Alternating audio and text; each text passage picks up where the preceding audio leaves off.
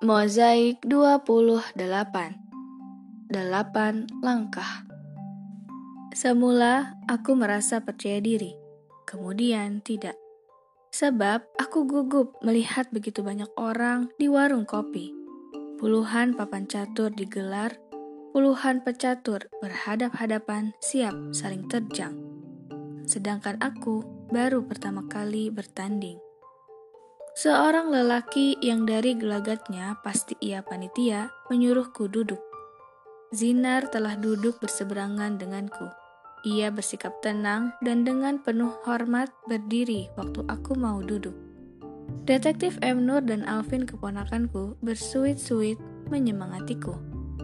Aku beringsut di atas bangku. Kurasa jarak antara aku dan lawanku terlalu dekat untuk seorang yang berusaha merebut lagi kekasihnya dari lawannya itu, dan terlalu jauh bagi orang yang telah memeram marah berminggu-minggu. Adapun catur itu sendiri tak tahu menau soal ini. Aku sedikit merasa bersalah. Dalam kepercayaan diri yang tak kunjung berhasil dipulihkan, meski dengan keras ku yakini diri bahwa seorang Grandmaster internasional berada di balik penampilanku yang akan membuat orang-orang udik ini tercengang, panitia kemudian memberiku buah putih. Artinya, aku berhak menghela prajurit-prajuritku lebih dulu. Tata cara panitia mengundi untuk menentukan hal itu langsung kucurigai sebagai sebuah perbuatan yang culas. Ini tak lain ekses dari tak percaya diri. Seseorang yang percaya diri akan menganggap hal itu tak perlu dipusingkan. Atau itu terjadi karena aku tak punya pengalaman sedikit pun dalam kejuaraan catur sehingga menuduh yang tidak-tidak.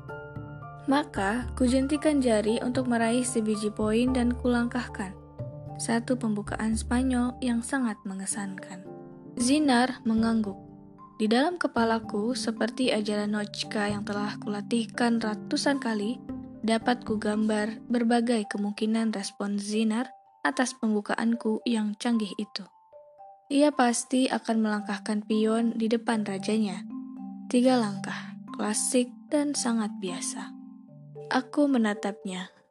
Rasakan itu olehmu. Kau boleh saja lebih ganteng dan tinggi dariku, tapi kali ini kau mendapat lawan yang setimpal. Aku yakin, seyakin kiamat akan datang, dapat memakzulkan Zinar. Namun, fakta berkata lain. Ia melangkahkan pion di depan luncusnya. Aku tak pernah melihat pembukaan macam itu. Selanjutnya, aku berkeringat dingin melihat langkah-langkah yang sulit diduga arahnya, yang tak pernah diajarkan Notchka kepadaku. Sekonyong-konyong, dengan suara yang berat dan penuh wibawa, lelaki ganteng itu bersabda, Skak! Aku masih tak mengerti apa yang terjadi.